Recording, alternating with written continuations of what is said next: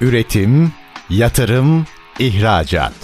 Üreten Türkiye'nin radyosu Endüstri Radyo sizin bulunduğunuz her yerde. Endüstri Radyo'yu arabada, bilgisayarda ve cep telefonunuzdan her yerde dinleyebilirsiniz. Endüstri Radyo.com Çetin Ünsal'ın hazırlayıp sunduğu Reel Piyasalar programı başlıyor.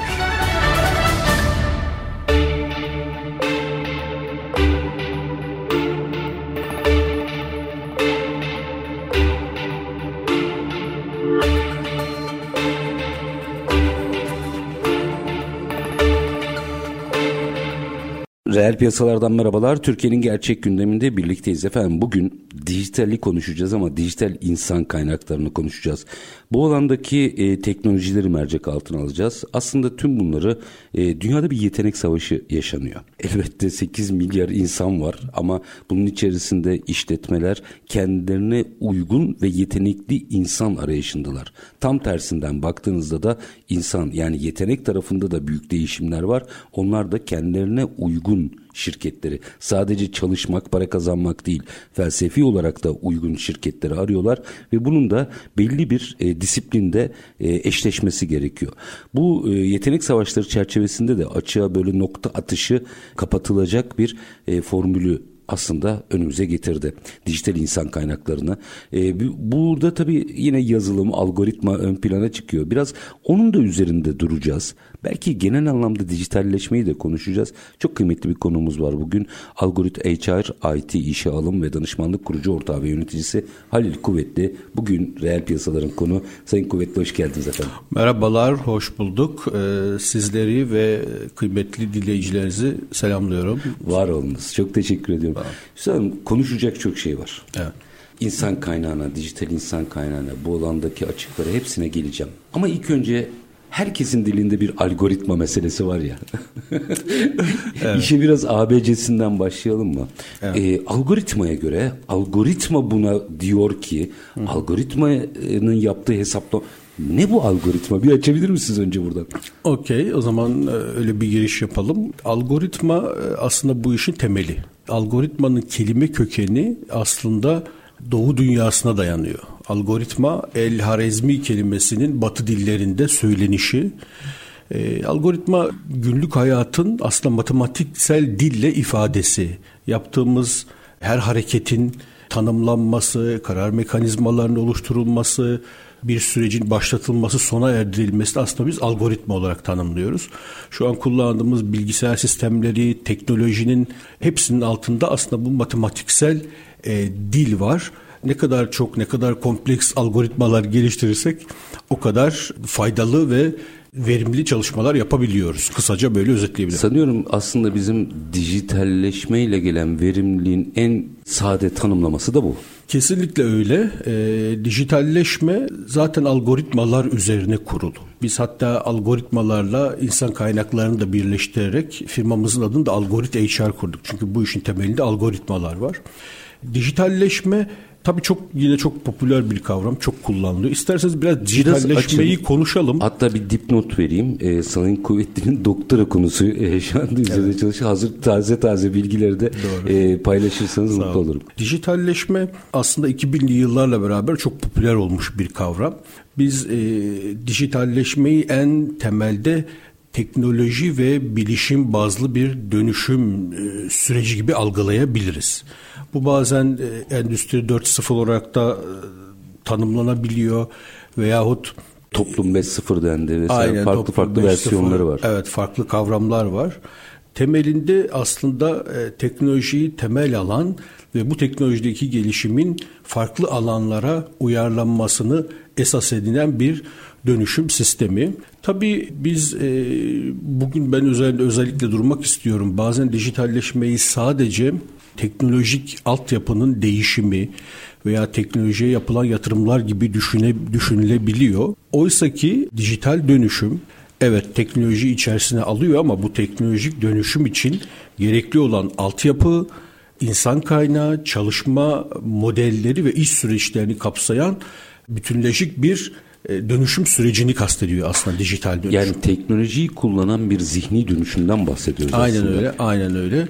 Zihni dönüşüm buna yönelik iş süreçlerini, iş modellerini ve insan kaynaklarının entegrasyonu ve koordinasyonu gibi tanımlayabiliriz bu süreci biz. Peki e, burada şunu merak ederim.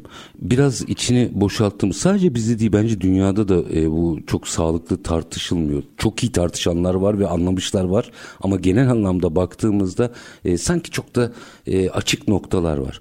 Burada verimlilik esas alınmış ama insan kaynağından şirketlere kadar yepyeni yapılar, modeller karşımıza çıkıyor. Bunu ne kadar hazmettik sizce? Bu tabii e, henüz tam olarak hazmedilmiş değil. Sonuçta bu biz bu sürecin aslında hala başlangıcında sayılabiliriz. Burada tabii ki doğru adımlarla ilerlemek lazım. Yani baştaki o dijitalleşme stratejinizi, iş stratejilerinizi doğru konumlandırmanız gerekiyor. Bunun yanında adımları tek tek planlayıp doğru bir şekilde ilerlemeniz lazım. Hatta ben sizle bazı rakamlar paylaşabilirim. Dünyada yapılan birçok dijitalleşme yatırımının, dijitalleşme projesinin %50'sinden fazlasının maalesef başarısız olduğu örnekler var. Türkiye'de de yine benzeri rakamlar söz konusu. Aslında biz bir şekilde dijitalleşme süreçlerini uygularken baştaki stratejileri ve adımları doğru planlayamadığımız için maalesef başarısız projelere imza atabiliyoruz. Ee, bunun için de dijitalleşmeyi tam da söylediğim gibi aslında bir dijital altyapı değişikliği olarak değil bir e, zihinsel dönüşüm, bir insan kaynağı dönüşümü gibi algılamamız gerekiyor. Zaten bizim de yapmaya çalıştığımız insanlara bu doğru desteği sunabilmek açıkçası. İnsanı bunu 80'li yıllarda bizim kendi medya sektöründen hatırlıyorum.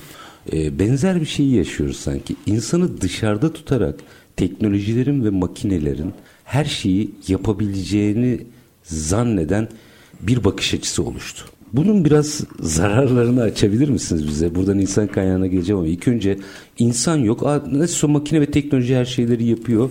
Olmadı işte mesela işte basında olmadı bu. Hı hı. Çok güzel makineleriniz ama doğru haberi yazacak insanlarınız kalmadı. Evet. E, aslında ben bunu bugün konuşmayacaktım ama e, kısaca girelim. Teknolojide insan faktörünü aslında daha detaylı ele almamız lazım. Yani bugüne sığmayacak kadar geniş bu konu. Dijitalleşmenin aslında biz robotlaşma olmadığını ortaya koymamız lazım. Şimdi ben bunun üzerinde de şu an belli makaleler çalışıyorum. E, bu noktada dijitalleşme robotlaşma değildir. Biz insanı evet dijital dünyada, dijital çağda insanı e, yeniden tanımlamamız gerekiyor ama bu asla robotlaşma olmamalı. Aslında insanın insani özelliklerini öne çıkarmamız lazım. Yani bu belki biraz tezat gibi görünebilir ama bir Yok. taraftan dijitalleşirken bir taraftan da insanın insani özelliklerini bizim ön plana çıkarmamız lazım. Bunlarla ilgili özellikle dijital yetkinliklerden bahsedebiliriz. Yani dijital çağın insanlar için gerektirdiği ve çalışanların, şirket yöneticilerinin sahip olması gereken dijital e, yetkinliklerden bahsedebiliriz. Ama özellikle bu e, dijitalleşme ve insan faktörünü üzerinde çok çalışmamız gerekiyor. Başlangıç olarak bunları söyleyebilirim. Şimdi e, zaten çalışmadığımız şuradan belli. Dünya çapından bahsediyorum. Pat diye bir baktık bu ekonomiye uygun insan kaynağı çok az. Ve dünyada bir yetenek savaşı başladı. Tabii burada e, biraz sonra açacağım. E, yine çözüm dijitalden geldi. Nokta atışı iş yapabilmek veya eşleştirme yapabilmek hmm. için o işin o tarafını açacağım ama bir 3-4 dakikam var araya. 3-4 dakikada bunu bitirelim. Aranın ardından yarım kalmasın o boyutu açacağım. Gerçekten buna çalışan ülkeler oldu. Ama ciddi bir yetenek açığı ve savaşı başladı. Burayı birazcık yorumlamakta fayda var. Evet kesinlikle bu çok doğru bir tespit. Tabii ki şimdi özellikle dijitalleşmeyle birlikte çalışma hayatının biz önemli şekilde değiştiğini görüyoruz ve buna açıkçası şu an hazırlıklı değiliz. Bu tabii ki pandemi süreci bunda çok hızlandırıcı bir etken oldu. Şimdi özellikle biz bunu hem bir çalışma sisteminde bu etkiyi gördük, çalışanların profilinde bu etkiyi gördük, yönetici profilinde bu etkiyi gördük ve özellikle şirketlerin organizasyon yapısında da bu etkiyi gördük. Ama şu an tam da buna hazırlıklı değiliz. O yüzden tüm bunların hepsini dijitalleşme etkiliyor ve biz yeni dönemde yani bunu bir dijital devrim, dijital çağ diye de nitelendirebiliriz. Bu çağın gerekliliklerini anlayıp kendimizi, şirketimizi, işlerimizi, insan kaynağımızı bu dijital çağın gerekleri nelerdir? Onlara göre yeniden tanımlamamız gerekiyor ki bu çağda ayakta kalabilelim. Bu çağın e, özellikleri yani bize neler getiriyor diye isterseniz aradan sonra biraz daha detaylandıralım Hı-hı. konuyu. Yani neyle karşı karşıyayız ki ondan sonra neye ihtiyacımız varı biraz daha konuşalım. Bu noktada yapılacak madde madde işler var açıkçası burada. Burada e, yine bir noktayı minik konuşup neler e, bekliyor bizi hemen tamam. aradan sonra açacağım ama burada bir şey de ortaya koymamız lazım. İlginç bir bence biraz da saçma bir kuşak tartışmasına kitlendik kaldık. Halbuki belki dünya ölçeğinde çok az yaşayabileceğimiz dört kuşağın eş zamanlı iş hayatında olduğu bir dönemi yaşıyoruz. Bunun verimliliğini tartışmak yerine niye verimliliğini tartışmak yerine kuşak çatışmasını tartışıyoruz. İki cümle de buradan alayım çünkü bunlar daha sonra konuşacaklarımıza etki edecektir. Evet Z kuşağı tartışması e, epeydir sürüyor gidiyor. Ben açıkçası şöyle bakıyorum bu tartışmalara. Biraz içerisinde doğup büyüdüğünüz o kültürü aldığınız dönem sizi etkiliyor. Aslında evet Z kuşağını evet kabul ediyoruz. Farklı özellikleri var ama şunu da söyleyelim ki bu kuşak bu teknolojinin bu bu sistemin içerisinde doğdu büyüdü ama biz de onu paylaşıyoruz. Hı hı. Yani aslında biz de e, yani bütün e, bütün çalışanlar ya da bütün insanlar aslında bir şekilde o dönemden etkileniyor. İnsanlar için biraz daha tanımlama yapmak e, ya da ayırmak daha kolay oluyor belki. Aslında Ama harmonize etmemiz gereken bir Aslında dönem. ben bu dönemin hepimizi işte adına Z kuşağı diyor aslında hepimizi dönüştürdüğünü düşünüyorum ben. Yani bu sadece belirli bir kitleyi veya belli bir yaş grubunu etkileyen bir şey değil. Teknoloji hepimizi etkiliyor. Hepimiz dönüşüyoruz. Yani artık 20 yıl önceki gibi çalışmıyoruz. E, ee, 20 yıl önceki teknolojiyi kullanmıyoruz. Artık aslında her şeyimiz değişti. Çalışma sistemimiz birçok şey değişti. Ve ben bu anlamda aslında yani kuşaklardan ziyade o dönemin getirdiği yeni olanakların ya da yeni durumların herkesi nasıl etkilediğini ve tabii ki özellikle kariyerine yeni başlayan gençleri e, veya tecrübeli insanlar nasıl etkilediği üzerinde durmak daha sağlıklı olur diye düşünüyorum ben. Şimdi minik bir araya gideceğim. Aranın ardından e peki bize ne getiriyor? E, madem insan kaynağını konuşacağız ilk önce ne getirdiğine bir bakalım. Ardından insan kaynağına ve sonrasında doğru eşleştirmeleri de biraz açmak istiyorum. Oradaki kriterler neler? Minik bir araya gidelim. Aranın ardından konuşalım. Efendim konumuz algorit HR, IT işe alım ve danışmanlık kurucu ortağı ve yöneticisi Halil Kuvvetli. Kısa bir ara aranın ardından reel piyasalar devam edecek. Lütfen bizden ayrılmayın. Üretim, yatırım, ihracat. Üreten Türkiye'nin radyosu Endüstri Radyo sizin bulunduğunuz her yerde. Endüstri Radyo'yu arabada, bilgisayarda ve cep telefonunuzdan her yerde dinleyebilirsiniz. Endüstri Radyo.com Kısa bir aranın ardından reel piyasalarda birlikteliğimiz devam ediyor. Dijital insan kaynaklarını hatta bu alandaki teknolojilerle birlikte dönüşümü konuşuyoruz. Algorit HR, IT işi alım ve danışmanlık kurucu ortağı ve yöneticisi Halil Kuvvetli konuğumuz. E, araya gitmeden önce öyle başlığı attınız. E, spotuyla devam edelim ve içeriğine. Evet gerçekten buradaki insan kaynağını doğru okuyabilmek için bize ne getiriyor sorusunun belki de açılma zamanı. Ne getiriyor evet. bize? Şimdi e, biraz dijital çağın kaldığımız yerden devam edelim. Dijital çağın getirilerini biraz konuşmamız lazım. Yani şu an neyle karşı karşıyayız? Sonra da bunu insan kaynakları tarafına biraz döndürmeye çalışalım. Şimdi dijital çağ bir kere hız ve değişim çağı. Artık e, geleneksel yöntemlerden kurtulup yeni yöntemler, yeni arayışlarda bulunduğumuz bir an. Çünkü e, başta da söylediğim gibi aslında dijitalleşmenin temelinde o teknolojide ve iletişim sistemlerinde yaşanan hızlı dönüşüm var. O zaman bizim de bu çağın e, bu hız ve dinamizmini yakalamamız lazım. Bu da sürekli aslında değişimden geçiyor. Ayrıca başka bir diğer bir özelliği de özellikle belirsizliğin yine bu dönemde çok fazla oldu. Hem işletmeler açısından müşteri tarafındaki belirsizlik hem çalışan profilindeki belirsizlik bizi daha fazla bu süreçleri üzerinde düşünmeye itiyor. Aslında biraz belirsiz ve postmodern bir dünyada yaşıyoruz. Bu bunun iş hayatındaki yansımaları da özellikle müşteri taleplerindeki belirsizlikler, hızlı değişimler, işte çalışan profilindeki değişim, çalışanların sürekli iş değiştirmesi, çalışanların farklı lokasyonlardan çalışabilmesi bu belirsizlik bizi mesela işte bu sessiz istifa denen bir kavram var mesela insanlar ya iş yerlerinden ayrılıyor veya iş yerlerinde kendisini farklı bir moda çekebiliyor. Bu önemli bir Rolanti konu. alıyor. Aynen öyle. Özellikle yine bu dönem çok kültürlü bir dönem. Yani artık kendi içimize kapalı ya da kendi ülkemize kapalı bir e, yapıda çalışamıyoruz.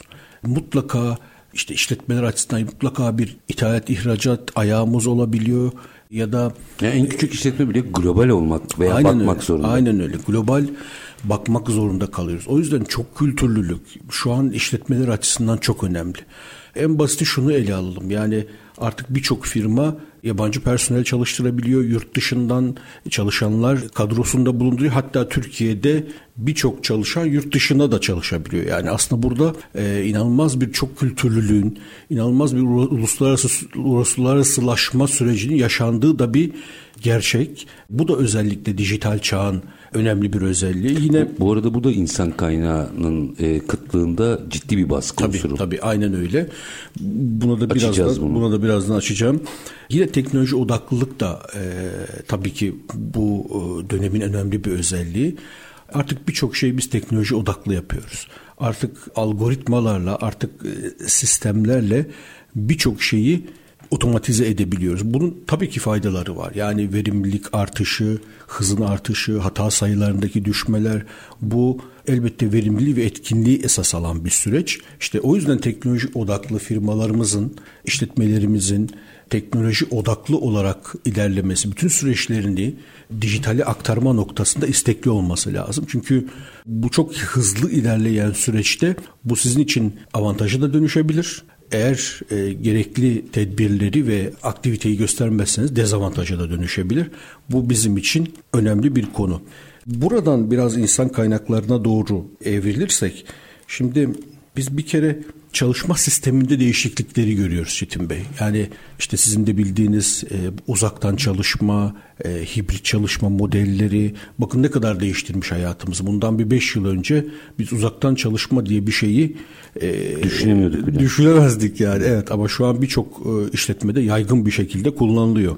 Bu çalışma modellerini değiştiriyor ya da mesela yurt dışından e, takımınıza bir personel monte edip birlikte çalışabileceğinizi e, hiç düşünmezdiniz belki de ya da çok sınırlı sayıda şirketler bunu gerçekleştiriyor. Ya da olanak yok yani düşünsenize evet. yurt dışından bir transfer yapacaksınız.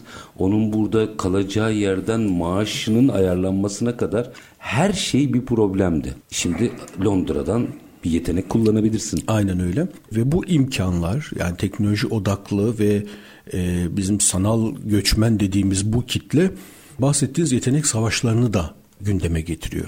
Yani artık özellikle çalışan profilindeki değişim de iş yerine bağlılığı daha az, daha özgür ve serbest çalışmayı ön plana çıkaran yeni bir profili de ortaya çıkardı. Bu nedenle de özellikle firmalar arasında, işletmeler arasında yeni personeli bulmak, nitelikli personeli istihdam etmek çok daha zor hale geldi. Yani birçok firma yöneticisiyle ben de görüştüğümde en büyük problemlerden biri bu. İşte bu noktada da işveren markası, çalışan deneyimi gibi süreçler ön plana çıkıyor. Firmalarımızın e, bu süreçleri hızlı bir şekilde geliştirmesi gerekli. Şimdi ne kadar işveren markanız güçlüyse o kadar siz e, şirket bağlılığını, çalışan bağlılığını sağlayabiliyorsunuz. Ama bu noktada eksikleriniz varsa bu da yine size dezavantaj olarak dönebiliyor. Özellikle kobilerimiz için bu dönüşüm mutlaka hızlandırılması gereken bir süreç. Mesela Türkiye'de faaliyet gösteren büyük firmalar veya uluslararası ölçekli firmalar mutlaka yetkinlik çalışmaları yapıyorlar. Yetkinlik modelleri var ama yetkinlik çalışmalarını artık dijital dönemin gerçeklerine göre mutlaka revize etmediler. İK faaliyetlerini, İK politikalarını e, dijital dönemin e, faaliyetlerine göre, gerekliliklerine göre revize etmediler. COBİ'lerin de eğer bu noktada eksikleri varsa bunları hızlıca sağlaması gerekiyor. Çünkü bu da bir artık bir hayat mevat meselesi haline gelmiş durumda. Mesela kur faktörü genelde e, hep şeyden konuşulurdu.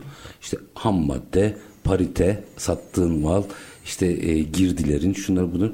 Şimdi mesela insan kaynağı üzerinden bu uzaktan çalışma nedeniyle kur faktörü yepyeni bir risk alanı olarak buraya da dahil oldu. Evet kesinlikle. İşte bunların hepsi aslında yeni çalışma modellerinin, dijitalleşme yapısının bize getirmiş olduğu yeni yeni kavramlar. Bunlar hiç konuşmazdık önceden. Şu an gündemimizde bunlar. İşte bu dönemin gerçeklerine odaklanıp ve gerçekten bu bu alanda destek alabileceğimiz özellikle akademik taraftan ya da bu işi profesyonel yapan firmalardan mutlaka destek almak gerekiyor ki bu hızlı dönüşümü yapabilelim. Az önce bazı rakamlar verdim. Bu noktada hatalı çalışmalar ya da tekrarlar da olabiliyor. O yüzden biz iyi bir dijitalleşme stratejisiyle yola çıkıp ilerlememiz lazım. Bizim orada e, bir nokta şirket markası dediniz ya. Hı hı. Şimdi bence dünyadan yetenek e, kullanırken ya da dünyaya yetenek kaptırırken en önemli faktörlerden biri bu galiba. Firmalarımızın burayı birazcık ders çalışması gerekiyor. Oradaki muhtemelen sizin elinizde bir sürü veri vardır bununla ilgili. O tespitleri merak ederim. Yani şimdi eskiden daha kapalı ortamlarda işte benim firmam bu iyi de firmam çalışıyorsan çalış durumu vardı. Hı hı. Şimdi e, özellikle iş hayatına yeni giren e, gençler açısından baktığında çünkü bugünlerde çok diyoruz mi? İş beğenmiyorlar, bizi mi beğenmiyorlar falan filan. Yani e, evet belki de bütün şirketlerin boyası dökülüyor şu anda. Hı hı. Gerçekten kim şirketse o personeli elinde tutuyor. Çünkü diğerinin gidip New York'ta uzaktan e, veya işte Paris'te veya işte Abu Dhabi'de nerese çalışma olanağı var. Şimdi bu şirketlerin kendisiyle yüzleşme dönemi değil midir? Çok doğru. E, kesinlikle. 1960'larda 70'lerde aslında işletmeler müşterinin önündeydi. Yani bir ürün üretirdi. Sonra ona bir kar marjı koyardı ve piyasaya sunardı. İşler kolaydı daha kolay. Aynen öyle. Ee, 80'lere 80'lerden sonra artık rekabet artmaya başladı ve artık firmalar maliyet odaklı bakmaya başladı. Evet bunun bir fiyatı var piyasada ve ben maliyetlerimi kontrol edip o piyasa içerisinde ürün üretmem lazım diye bunu kontrol ederdi. E ama şimdi artık bu kadar iletişimin ve teknolojinin geliştiği noktada siz hem maliyette dikkat etmeniz lazım hem de teknolojiyi kullanarak bunu yapmanız lazım hem de bu iletişimi sağlamanız lazım. Yani işletmeler için hayat giderek zorlaşıyor aslında ve bir de şimdi e, bunu yaparken de tabii ki insan kaynağına ihtiyacınız var ve aslında bir firmayı başarılı veya başarısız yapan şey insan faktörü. Yani iyi bir ekibiniz varsa başarılı olabilirsiniz ama eksikleriniz varsa bu sizi e, çok fazla ileriye götürmez. Ben bir sözü çok seviyorum. Yani iyi futbol iyi iyi futbolcuyla oynanır. Yani bu bu çok önemli. Bunun için de tam dediğiniz şey aslında işveren markası burada çok önemli çalışanların yani artık dijital çağdaki çalışanların ihtiyaçlarını öngören ve onların kariyer gelişimine hizmet eden bir işveren markasını oluşturmanız gerekiyor. Dediğiniz gibi yani bu benim iş yerim artık e, çalışırsan çalış değil birçok şeyde aslında çalışanın taleplerinin ön planda olduğu bir yapıya geçmek lazım. E bu da nasıl olur?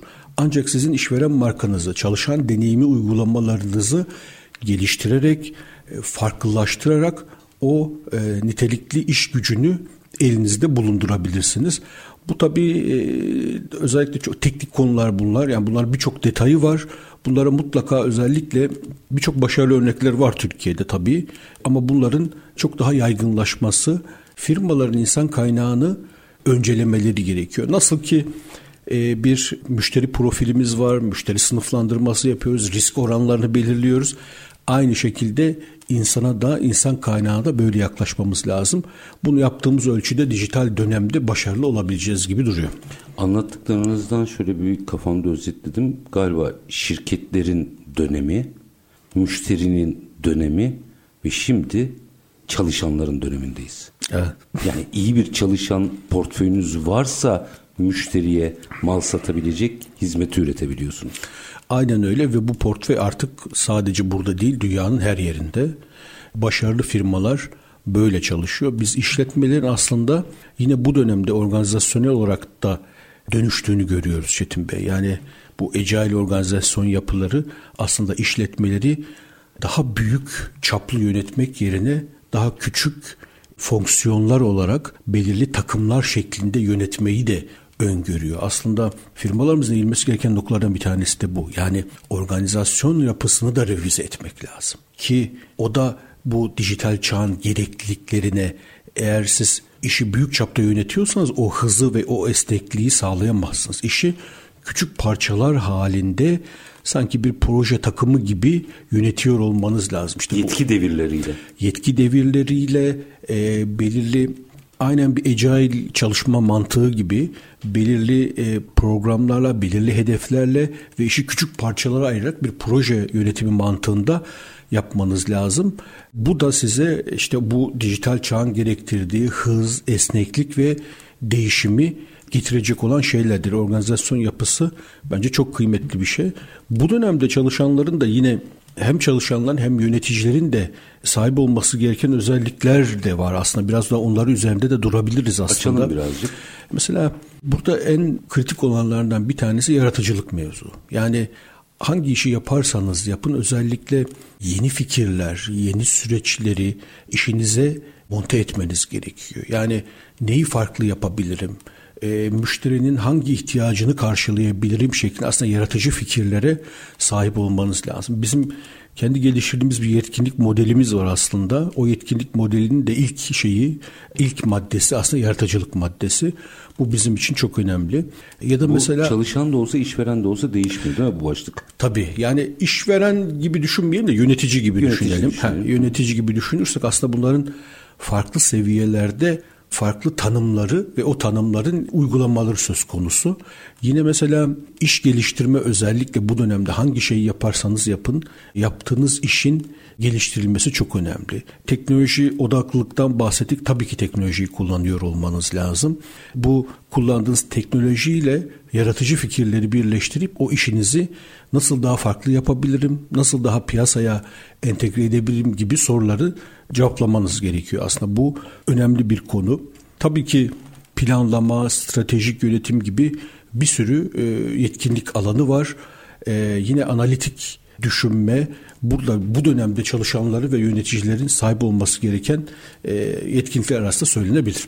Peki şimdi minik bir araya gideceğim. E, aranın ardından şu iki boyutu açmak isterim. E, tabii ki marka ismi vermeden ama sizin şahitlikleriniz ölçüsünde insan kaynağı ve tabii ki dönüşmeyenin olmaması gerektiğini düşünüyorum. Herkesin kendi dönüşümünün farklı hikaye olduğunu altını çizerek iyi yapanla kötü yapanın sonuçlarını böyle iki örnek e, bizle paylaşmanızı rica edeceğim. E, ardından da e, şunu e, merak ediyorum. Bu son bölümde de onu konuşalım istiyorum. Peki ben bu dijital sistemleri kullanarak nasıl nokta atışı iş yapabilirim? Bunun da yanıtını almak isterim. Ama minik bir ara aranın ardından konuşalım. Efendim e, Algorit HR IT işe alım ve danışmanlık kurucu ortağı ve yöneticisi Halil Kuvvetli ile e, sohbetimiz devam edecek. Kısa bir ara lütfen bizden ayrılmayın. Üretim, yatırım, ihracat. Üreten Türkiye'nin radyosu Endüstri Radyo sizin bulunduğunuz her yerde. Endüstri Radyo'yu arabada, bilgisayarda ve cep telefonunuzdan her yerde dinleyebilirsiniz. Endüstri Radyo.com Kısa bir aranın ardından reel piyasalarda tekrar sizlerle birlikteyiz. Algorit HR, IT işe alım ve danışmanlık kurucu ortağı ve yöneticisi Halil Kuvvetli ile aslında insan kaynağını, dijitalleşme ölçüsünde insan kaynağını konuşuyoruz. Şimdi e, elinizdeki bulgulardan yine firma ismi vermeyelim tabii ki ama e, bu işi iyi yapan ve sonuçları kötü yapan ve sonuçları böyle iki örnek paylaşabilir miyiz? Aklıma hızlıca gelen iki örneği paylaşayım. Bir tanesi önce olumlu örneği söyleyelim. Güzel olur. Ee, enerji sektöründe bir firmanın dijital dönüşüm projesiydi ki benim de içerisinde olduğum bir projeydi. Çok büyük bütçeler bu bütçeler. Yani milyon dolarların e, konuşulduğu bütçeler. O çalışma bir danışmanlık firmasıyla yapılmıştı ve çok güzel bir projeydi. Yani çünkü başta bir strateji e, belirlenmişti. Ciddi bir ekip kuruldu. Danışmanlar tutuldu. Yani işin farklı süreçlerinde yer alacak danışmanlar tutuldu. Hatta o dönemde hatırlıyorum yurt dışından bir e, heyet de gelip çalışmayı da izlemişti. E, bunun çok ciddi e, dönüşleri oldu. Yani hem tüm sistemlerinizi çünkü bir taraftan hem eski teknolojiyi de bırakıyorsunuz, yeni bir teknolojiye geçiyorsunuz iş süreçlerinizi buna göre yeniden tanımlıyorsunuz. Bu bunlar çok önemli şeyler. İnsan kaynağı nasıl yönetilir orada? Oradaki şey bu süreçlere hakim ciddi bir özellikle yeni e, mezun teknolojiye daha yatkın ciddi bir ekip monte edilmişti sürecin içerisine. Bu ekip hem o dönüşüm sürecini içindeydi hem o dönüşüm sürecine bizzat projelerin içerisinde yer alarak yer aldı. Daha sonra da o birimlerde görev aldı. Yani e, hem hem dönüştürdüler hem çalıştılar. Hem dönüştürdüler daha sonra da dediğiniz gibi dönüştürdükleri şey aslında görev yaptılar. Orada bizatihi içerisinde bulundukları süreçleri yönettiler mesela. Bu çok ciddi bir insan kaynağı katkısıydı mesela o yapı için. Ha tabii burada bitmiyor ama süreç. O personeli ya da o ekibi elinizde de tutmanız gerekiyor. Geliştirmeniz de gerekiyor. O kısım çok başarılıydı. Hatta e, bu dönüşüm süreci için ekiplere eğitimler de verildi. Yani hem ekiplere insan kaynağı desteği sağlandı hem de eğitimler de verildi. Mevcut Bakın, ekiplere değil mi? Aynen Dahil mevcut ekiplere, değil. mevcut ekiplere eğitimler de verildi. Bu yeni çalışma düzeni, onların da katkıları anlamında eğitimler de verildi. Aslında bu neyi getirdi? Siz hem bir taraftan dijital dönüşüm sağlarken hem de insan kaynağınızı da dönüştürüyorsunuz. Ee, yeni eklemeler e, dahil ediyorsunuz. E, bu şekilde yapıyı daha sağlam bir şekilde oturtma imkanınız var. Bu iyi bir örnek. Kötü örnekler de var. Mesela orada da ben sürece sonradan dahil olduğum bir çalışmaydı bu. O da mesela bir ERP projesi. Çok ciddi bütçeleri olan bir proje. Ee, bir üretim firması ama eksik olan neydi orada? İşte o başta söylediğim strateji eksikliği vardı. Yani baştaki strateji doğru konumlandırılmadığı için öngörülen bütçelerle ortaya çıkan bütçeler arasında inanılmaz bir şey yaşandı. Fark. Farklılık yaşandı. E bu farklılığın sebebi ne? Çünkü özellikle çalışanlar, yöneticiler bırakın onları şeye e, çalışmaya dönüşümünü onların çalışmaya dahil edilmediği örneklerde negatif şeyler yaşıyoruz. Yani mesela oradaki işi mesela o projeyi alan firma mesela o bir şeyler çalışmış. E, içeriye geldiği zaman içeride onların çalıştırdığıyla çok alakasız işler var. E, o zaman mesela tam o ortalık karıştığında ben sürece dahil olmuştum. Yani e, buradaki yapı, yazılanla e, bu e, içeride yapılan birbirinden çok farklı şeyler. Gereksiz bir direnç başlıyor zaten orada. E, baştaki o koordinasyonsuzluk, o diyorum ya yani planlananla gerçek hayat uyuşmuyor. Yani çünkü konuşulmamış, ihtiyaç belirlenmemiş, süreçler oluşturulmamış. E, bu belirlenmediği için de hem bir kaos durumu var hem de şey var. E, bahsettiğiniz gibi e, bir direnç de olabiliyor. E, bu süreçte öyle bir şey ki bu kaos durumu ki nitelikli personellerinizi kaybetme durumunuz da söz konusu. Yani ki o dönemde olmuştu. Benim oradaki fonksiyonum açıkçası bu e, şeyi biraz toparlamak gibiydi. Yani evet e, firma bir şeyler yazmış ama o yazanlar gerçekle uyuşmuyor. E, hadi bu gerçekleri bir birbiriyle uyuşturalım. Gerçekten neye ihtiyacımız varı ortaya koyalım. E, bu yeni şeyin yeni e, dönüşümün gerektirdiği insan kaynağına da ihtiyacınız var. Yani bu hemen olacak bir dönüşüm değil. E, bununla ilgili insan kaynağı da istihdam etmeniz lazım. İşte biraz o çalışmalara destek verdim.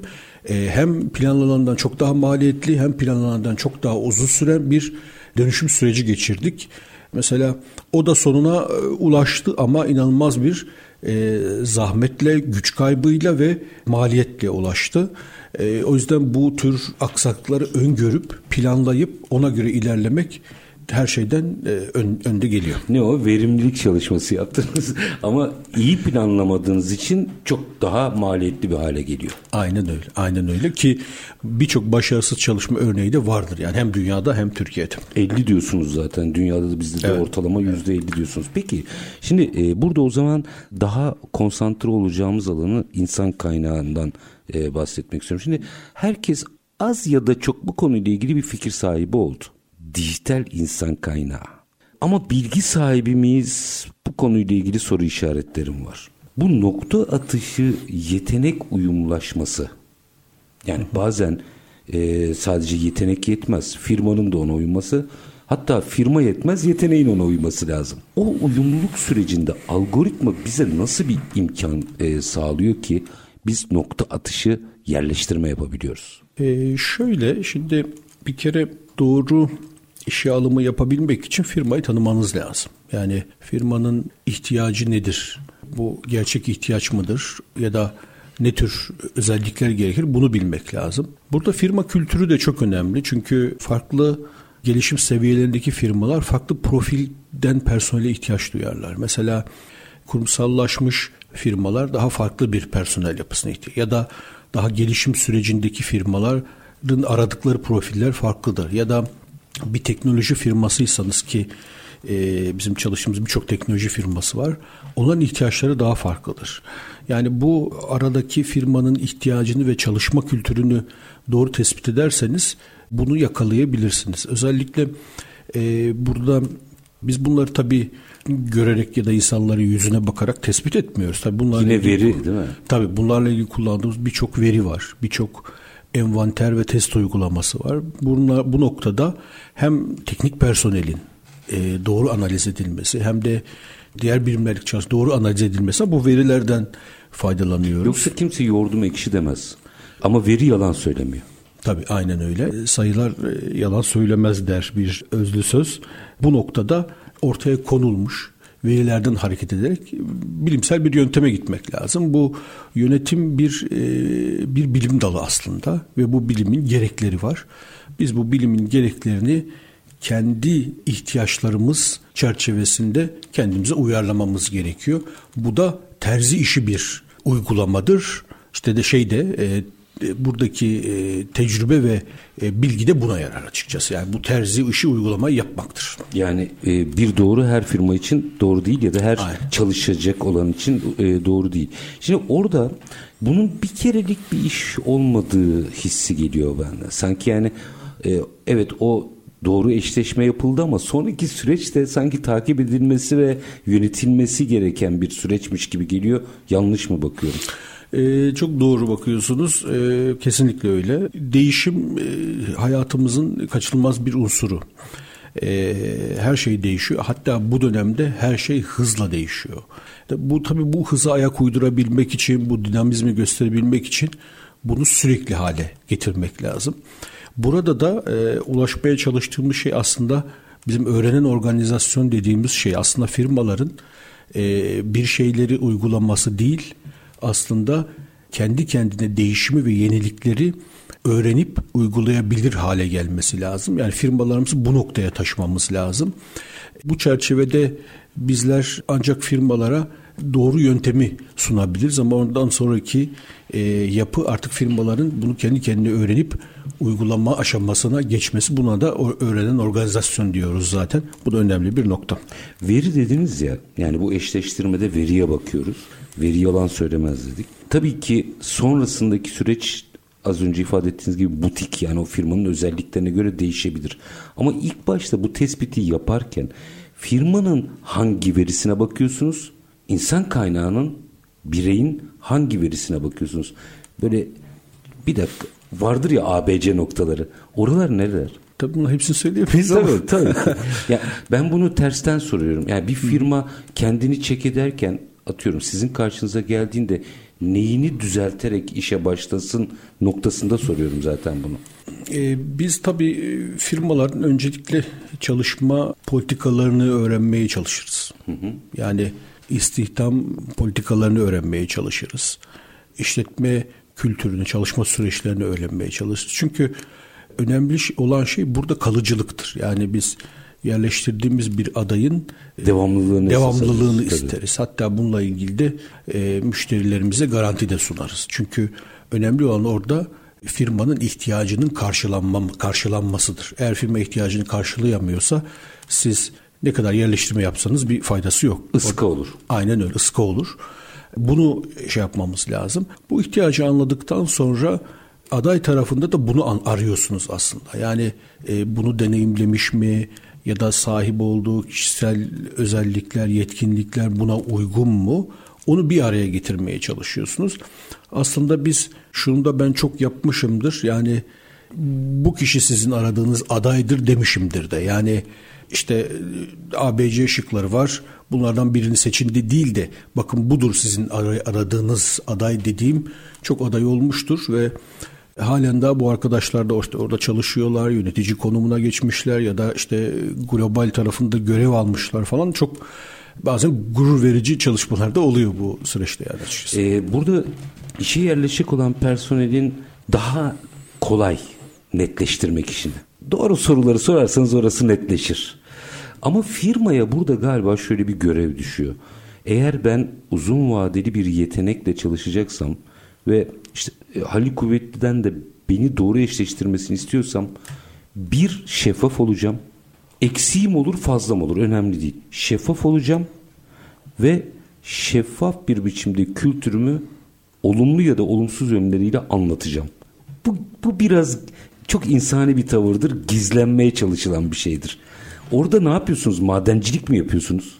Yani şeffaf olursa sıkıntı yok.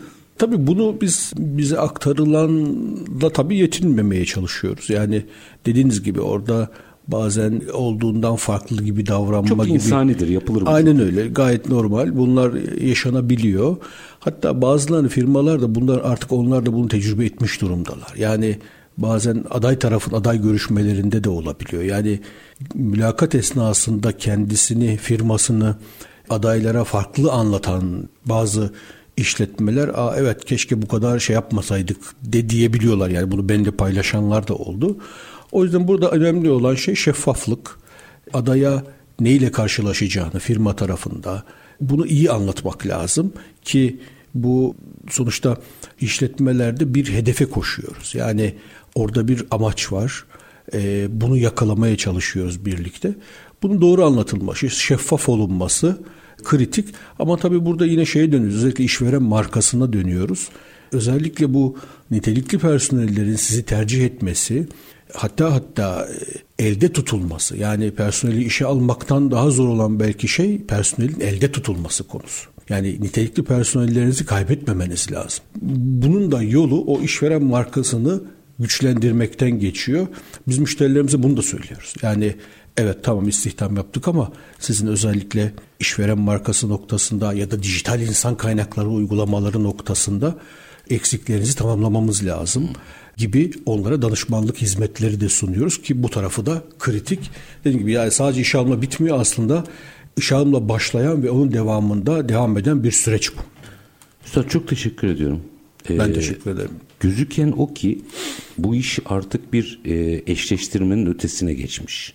Bu bir süreç yönetimi ve gözüken o ki çok da kısa vadede bitecek bir süreçten bahsetmiyoruz. Sürekli dinamizm içerisinde firmaların da yeteneklerinde kendini farklılaştırması ve tabii kan uyumuyunda o artık algoritmanın Hı. işi yani o matematik evet. o işi hallediyor. Yeter ki herkes e, ne istediğini bilsin ve şeffaf davranılsın. Aynen öyle. Sizin de tespitleriniz çok doğru. Aslında e, gidilecek yol belli. Sadece bunu nasıl gideceğimizi birlikte yapmamız lazım açıkçası. Algorit HR, IT, işe alım ve danışmanlık kurucu ortağı ve yöneticisi Halil Kuvvetli. Çok teşekkür ederim efendim. Ben teşekkür ederim. Dinleyicilerine sizlere saygılarımı, sevgilerimi sunuyorum. Var olunuz. Teşekkür bir mukabele. Sağ olun. Efendim biz bugün dijital insan kaynak, daha doğrusu yeni ekonomiyi konuştuk gördüğünüz gibi. O yeni ekonominin şirketleri, şirket markaları, ve tabii ki onlarla uyumlu insan kaynağını mercek altına aldık. E, dijital teknolojilerle şey çok hoşuma gitti Sayın Kuvvetli'nin söylediği. Artık inisiyatiften çıktı mesele. Veriler her şeyi anlatıyor. Verilerinizi şeffafça ortaya koyarsanız uzun vadeli çalışacak, e, birlikte çalışacak iş arkadaşları bulabilirsiniz. Artık çalışan yok. Bir kişi ya iş arkadaşınız ya da elden kaçırdığınız eski iş arkadaşınız. Kararı siz vereceksiniz. Biz her zamanki gibi bitirelim. Şartlar ne olursa olsun paranızı ticarete, üretime yatırmaktan, işinizi layıkıyla yapmaktan ama en önemlisi vatandaş olup hakkınızı aramaktan vazgeçmeyin. Hoşçakalın efendim.